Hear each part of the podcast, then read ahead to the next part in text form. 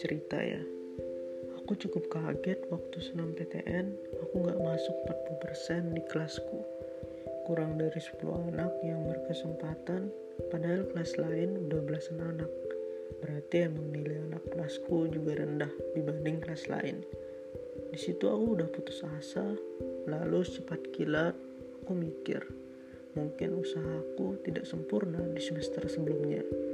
Tapi aku berusaha keras di semester 5 buat naikin nilai juga dari ranking 12 ke 8. Aku kira aku bisa masuk 40% dengan pencapaian di semester 5. Ternyata itu tidak mengubah apa pun.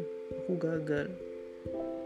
Setelah itu, aku mengalami kecelakaan yang hampir mencelakai mautku. Akhirnya di situ aku bangkit buat hidup dengan mimpi-mimpi tinggiku. Meskipun aku sempat mengalami geger otak ringan dan vertigo, aku tetap belajar. Tapi nyatanya pas pengumuman SBMPTN, aku gagal kembali. Aku bilang pada diriku sendiri, sudah gak apa-apa. Aku berniat untuk berjuang kembali tahun depan. Karena bukan hanya sekedar kuliah yang aku inginkan, tapi jurusan dan PTN yang aku impikan. Aku gak mau sembarang kuliah lalu tidak menikmati prosesnya.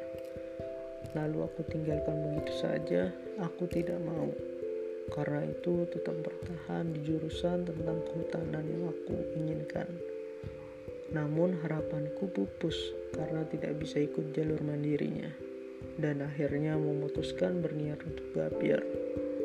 Tapi di lain sisi temanku berkata, jangan gapir, nanti goblok di situ aku sakit hati sekali. Harapan yang aku kira akan mendukungku ternyata salah. Jika memang aku harus kuliah yang sembarangan, aku tetap mengejar impianku. Aku malah takut gak bisa membaginya. Namun jika gak biar aku bisa fokus hanya pada satu hal. Karena itu, aku sedikit gelisah dengan keputusanku. Aku hanya bisa berdoa dan bercerita perasaanku, dan bagaimana nantinya akan mendapat hal yang baik tahun depan.